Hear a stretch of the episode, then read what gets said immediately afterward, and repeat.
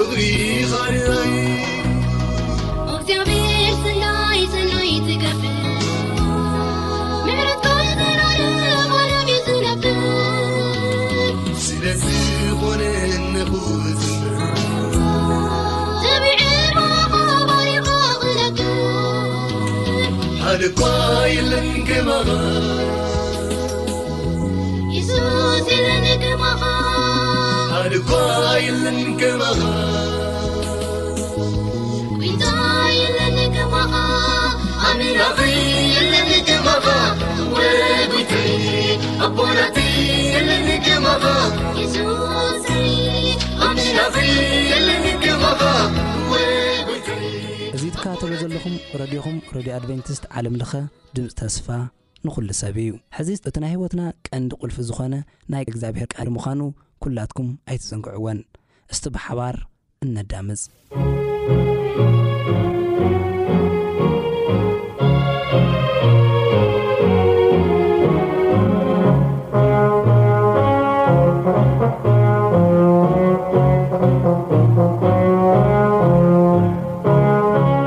ሰላም ሰላም ኣቦቦትኡ ኮንኩም መደባትና እናተኸታተልኩም ዘለኹም ክቡራት ተኸታተልቲ መደብና እዚ ድማ ካብቲ ብዝሓለፈ ናይ ጀመርናዮ ናይ ቃል ግዜና ማቴዎስ ምዕራፍ ኣርባዕተ እናረኣናዮ ዘለና ሓሳብ ናቱ መቐጸልታ ኢና ሒዝናልኩም ቀርብ ሎሚ ድማ ንሪኦ እቲ ካልኣይ ሰብ ኣዝዩ ዝፍተነሉ ፈተና እዩ እቲ ካልኣይ ፈተና ዝፍተነሉ እንታይ እዩ ኢየሱስ ክርስቶስ ካብ ተፈተነሉ ናይ መጀመርያ ወዲ ኣምላኽ እንተኮይንካስ እንጌራ ክኸውን በል ዝኣማኒ እንጌራ ክኸውን በል ዝብል ፈተና እዩ ነይሩ እቲ ካልኣይ ፈተና ከዓ ኢየሱስ ብድያብሎስ ናብታ ቅድስተ ከተማ ወሲዱ ኣብ ገምገም ቤት መቕደስ ደው ኣበሎ፣ እግርኻ ኣብ እምኒ ኸይትዕንቅፍ ብኣእዳዎም ከልዕሉኻ ንመላእኽቲ ምእንታኻ ይእዝዝ ጽሑፍ ኣሎ እሞ፣ ወዲ ኣምላኽ እንተ ዄንካስ ንታሕቲ ገጽካ ጽደፍ! በሎ።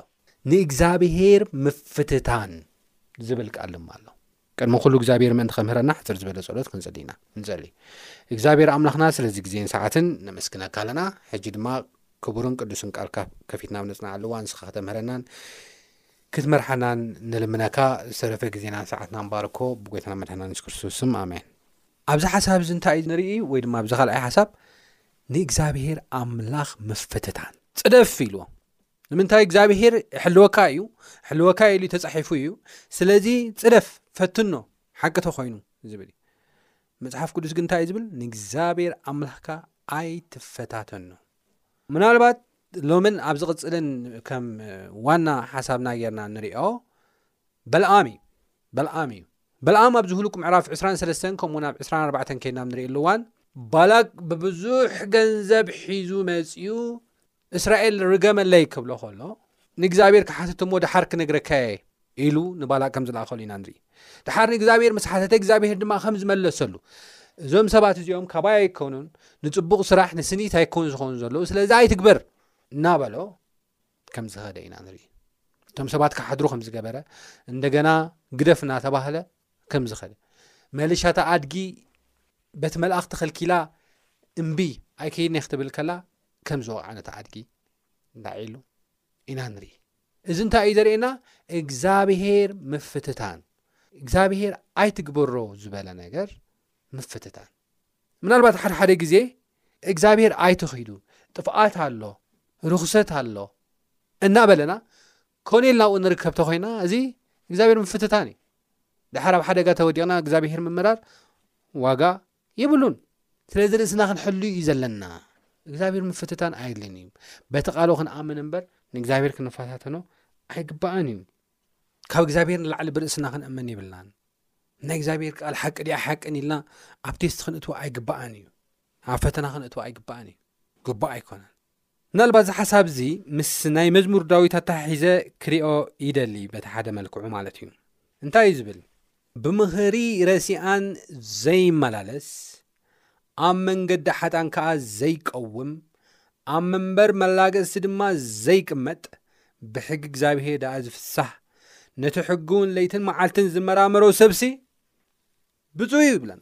ንሱ ከምታ ፍሪኣ በብግዜኣ ትህብ ቆጽላ ከኣ ዘይረግፍ ኣብ ወሰን ዋሓዚ ማይ እተተኽለት ኦም ይኸውን፣ ዝገብሮ ኩሉ እውን ይሰልጦ። እቶም ረሲኣን ግና ከምቲ ንፈስ ዝብትኖ ቡቕቡቕ እዮም እምበር ከምዚይኮኑን። ንመንገዲ ጻድቃንሲ እግዚኣብሔር ይፈልጣ እዩ፣ መንገዲ ረሲኣን ግና ክትጠፍእ እያ። ስለዚ ረሲኣን ኣብ ፍርዲ፣ ሓጥኣን ኣብ ማሕበር ጻድቃን ኣይክቐሙን እዮም።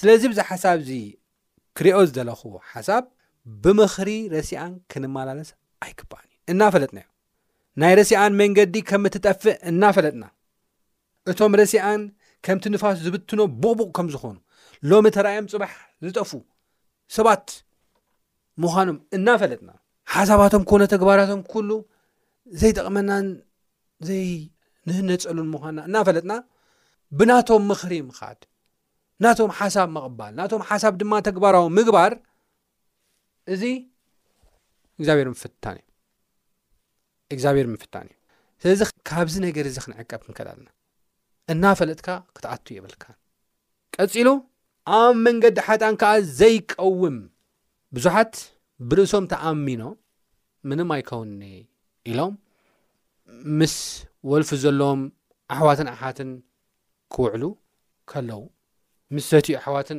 ኣሕዋትን ኣሓትን ክውዕሉ ከለዉ ከምኡ ውን ብናይ እግዚኣብሄር መንገዲ ዘይከዱ ረሲኣን ክውዕሉ ከለዉ ድሕሪ ቅሩብ ግዜ ከምኦም ናይ ምዃን ፕሮባብሊቲ ኣለዎም ብዙሓት ተለዊጦም ወይ ኣብ ወልፊ ወዲቖም ወይ ኣብ ሕማቕ መንገዲ ወዲቖም ኢና ንሪኦም ማለት እዩ እዚ እንታይ እዩ ዘርእየና ኣብ ገዛእ ርእስኻ ምምእማን ብናይ ርእሲ ሓሳብ ተወኪልካ ምኻድ ሎሚ ተረእኻ ፅባሕ ከም ምጥፋእ ከም ዝኾነ እዩ ዝነግረና ማለት ስለዚ እቲ ዝብሕታዊ ውሓስና ደኣ እንታይ እዩ ኣብ መንገዲ ሓጥኣን ዘይምቋም ኣብ መንበር መላገዝቲ ብናይ እግዚኣብሔር ቃል ዘላግፁ ዘይምቕማጥ እዚ ክሓስብ ከለኹ ትንቢት ዳንኤል እዩ ትዝ ዝብለኒ ስለ ቤልሻፅር ማለት እዩ ቤልሻፅር ኣባሓጉዎ ንጉስ ንኳናፃር ብዙሕ እግዚኣብሄር ዘምሃሮ እግዚኣብሔር ዘሰልጠኖ እዚ ታሪኽ እዚ ኸዓ ኣብ መላእ ባቢሎን እተፈልጠ ክነሱ ነገር ግን እንታይ እዩ ገይሩ ነቲ ልዑል ኣምላኽ ነቲ ምልኪ ዝሃቦ ጎይታ ከላግፅ ከም ጀመረ ኢና ንርኢ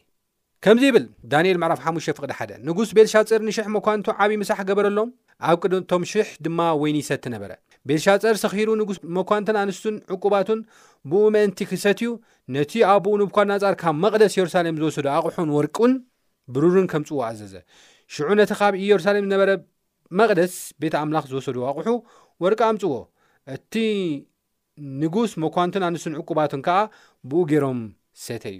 ወይኒ እናሰተዩ ነቶም ብወርቅን ብብሩርን በስራዝን ብሓጺንን ብዕንጨይትን ብእምንን እተገብሩ ኣማልኽቶም ወደሱ ይብል። ኣብዚ ከነሰውዕሉ ዘለና የላግፁ እዮም ነይሮም ናይ እስራኤል ኣምላኽ እንታይ ዋጋ ኣለዎ እናበሉ እዮም ዘላግፁ ነይሮም በቲ ናይቲ ቤተ መቅደስ ኣዋርቕ ገይሮም እዮም መሰሰት እዩ ነይሮም እና ሰይተ ከዓ ነቶም ጣዖታት ክሰምዑ ዘይከኣሎም ጣዖታት እዮም ዘወድሱ ነይሮም ነገር ግን እግዚኣብሔር ምፍትታን ሓደጋ ኣለዎ ካብ ቤልሻጠር ንምሃሮ ነገር ተሃለዎ እንታይ እዩ ናይ ንስሓ ዕድል ናይ መጠንቀቕታ ዕድል እኳ ክወሃቦ ኣይንርእን ኢና እዚኣ ገይሩ መልእኽቲ ድማ መፅኣቶ በታ ሰዓት እቲኣ ይብለና ኣብቲ ልቕሉቕ መንደቕ ኣዳራሽ ንጉስ ኣብ መንፀር ተቃዋሚ ቀንዴልሲ ኣጻብዕ ኢድ ሰብ ወሰን ጸሓፈን እቲ ንጉስ ድማ ነተን ዝጸሓፋ ኢድ ምስ ረኣየ ሽዑ እቲ ንጉስ ገጹ ተለወጠ ሓሳባቱ ከኣ ኣጨነቖ ጅማወቱ ሕቑኡ ድማ ላሕለሐ ኣብራኸ እውን ነንሕድ ተዋቕዐ። እቲ ንጉስ ነቶም ኣስማተኛታትን ካላዳውያን ቆጸርትን ኳኸብትን ከእትውዎም ዓው ኢሉ ጨደረ ይብለና። ነገር ግን ንክፈትሕሉ ይከኣሉን ክፈትሕሉ ይከኣሉን ደሓር መንፈስ ቅዱስ ኣማልኽቲ ዘለዎ ሰብኣይ ኣብ መንግስትኻ ኣሎ ኢሎም ከም ዝጠቀምዎ ንሱ ድማ እንደገና ከም ዝመጸ ኢና ንርኢ።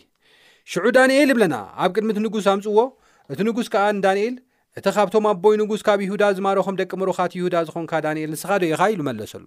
ኣነ ብዛዕባኻ መንፈስ ኣማልኽቲ ከም ዘሎካ፣ ብርሃን ምስትውዓልን ብሉጽ ጥበብን ድማ ከም እተረኽበካ ሰማዕኹ። ሕጂ ኸኣ እቶም ጠቢባን ፈላጣትን ነዛ ጽሕፈት እዚኣ ኼንብቡዋ፣ ካብ ትርጓሜኣ ኺፍልጡኒ ኣብ ቅድመይ ኣምጽእዎም። ግናኸ ትርጓሜ እቲ ነገርሲ ኬፍልጡኒ ኣይከኣሉን። ብዛዕባ ግና ትርጓሜታት ምትርጓም፣ እተጠላለፈ ነገር ከኣ ምፍታሕ ከም እትኽእል ሰሚዐ ኣለኹ። እምበኣር ነዛ ጽሕፈት ከተንብባ ትርጓሜኡ ድማ ክተፍልጣን እሓተካ ኣለኹ ኢሉ ከም ዝነገሮ ኢና እንርኢ። ካብ ዝገርም፣ ሽዑ ዳንኤል ኣብ ቅድሚ ንጉስ ከምዚ ኢሉ መለሰ፣ ህያባትካ ንኣኻ ይኹን፣ ውህበታትካ እውን ንኻልእ ሃቦ።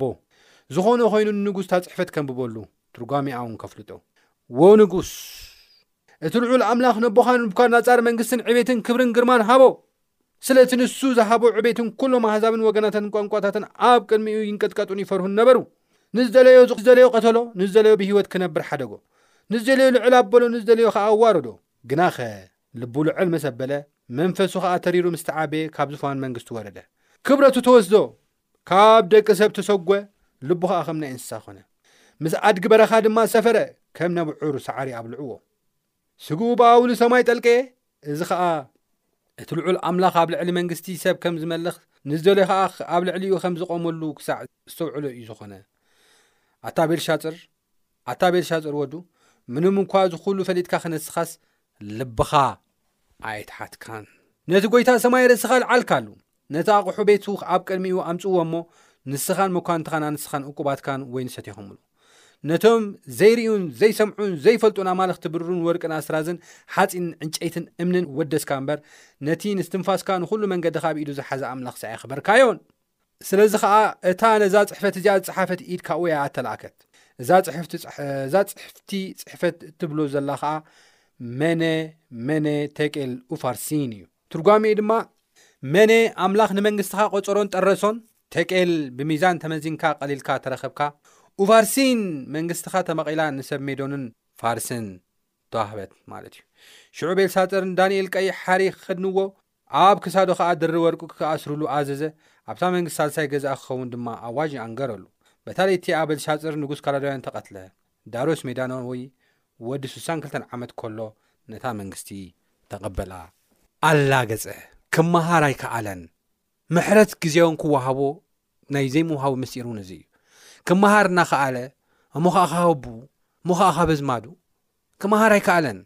ካብ ዘይምምሃሩ ናይ ምሕረት ዕድል እውን ኣይተዋህቦን። በቃ መንገስትኻ ጠረሶ ተወደአ።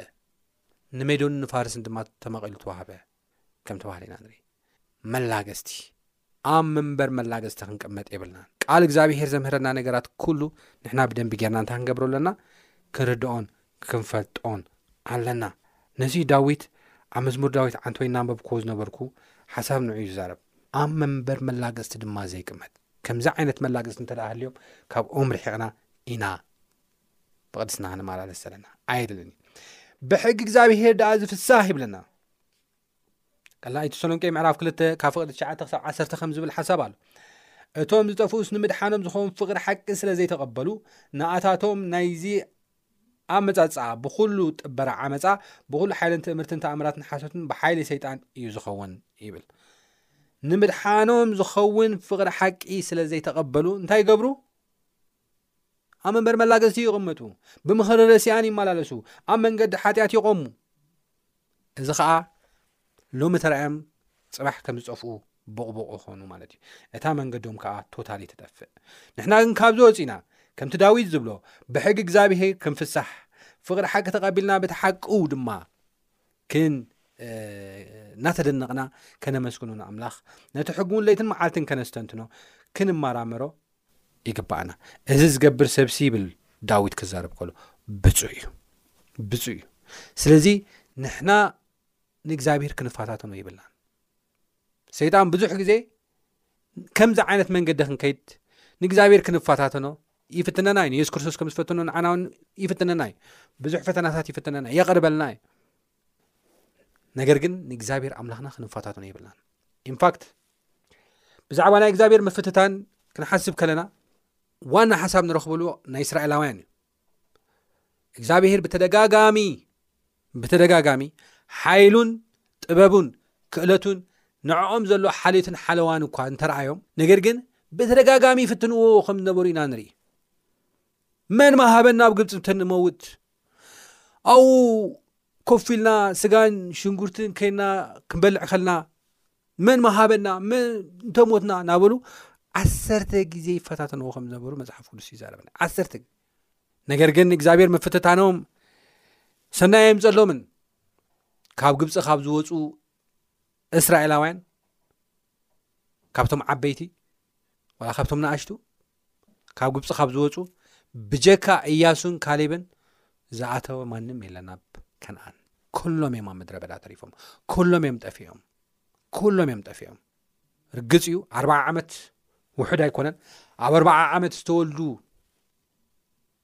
ኣይሁዳውያን እስራኤላውያን ግን ንሶም ናብ ከነኣን ከም ዝኣተወ ኢና ንርኢ ናይ እግዚኣብሔር ሓይልን ክብርን ድማ ከም ዝረኣየ ኢና ንርኢ ስለዚ ንእግዚኣብሄር ምፍትታን ጥፍኣት የምፅ እዩ ንእግዚኣብሄር ክንፈታተኖ የብልናን ሰይጣን ብተደጋጋሚ ከምቲ ዝብሎ ዘለኹ ንእግዚኣብሔር ክንፈታተኖ ይነግረናን ይመርሓናን እዩ ነገር ግን ንእግዚኣብሔር ክንፈታተኖ ኣይግባኣና ከምቲ ዳዊት ብምኽሪ ረሲኣ እንተ ደኣ ደይተማለልስና፣ ኣብ መንገዲ ሓጢኣን እውን እንተ ደኣ ደይቀምና፣ ኣብ መንበሪ መላግጽቲ ብዘይምቛም ብሕጊ እግዚኣብሄር እንተ ደኣ ደስ ዝብለና ኮይኑ፣ እቲ ሕጊ እውን ለይትን መዓልትን ነስተንትኖ እንተ ደኣ ኮይና፣ እግዚኣብሄር ሰላሙ ሰላሙ ከም ዝህበና ይዛረበና እዩ። ንሱ ይብል ከምዚ ዓይነት ሰብ ከምታ ፍሬኣ በብግዜኣ ትህብ ቆጽላ ከኣ ዘይረግፍ ኣብ ወሰን ወሓዚ ማይ ተተኽለት ኦም ይኸውን፣ ዝገብሮ ኩሉ እውን ይሰልጦ ኢሉ ይዛረበና ማለት እዩ።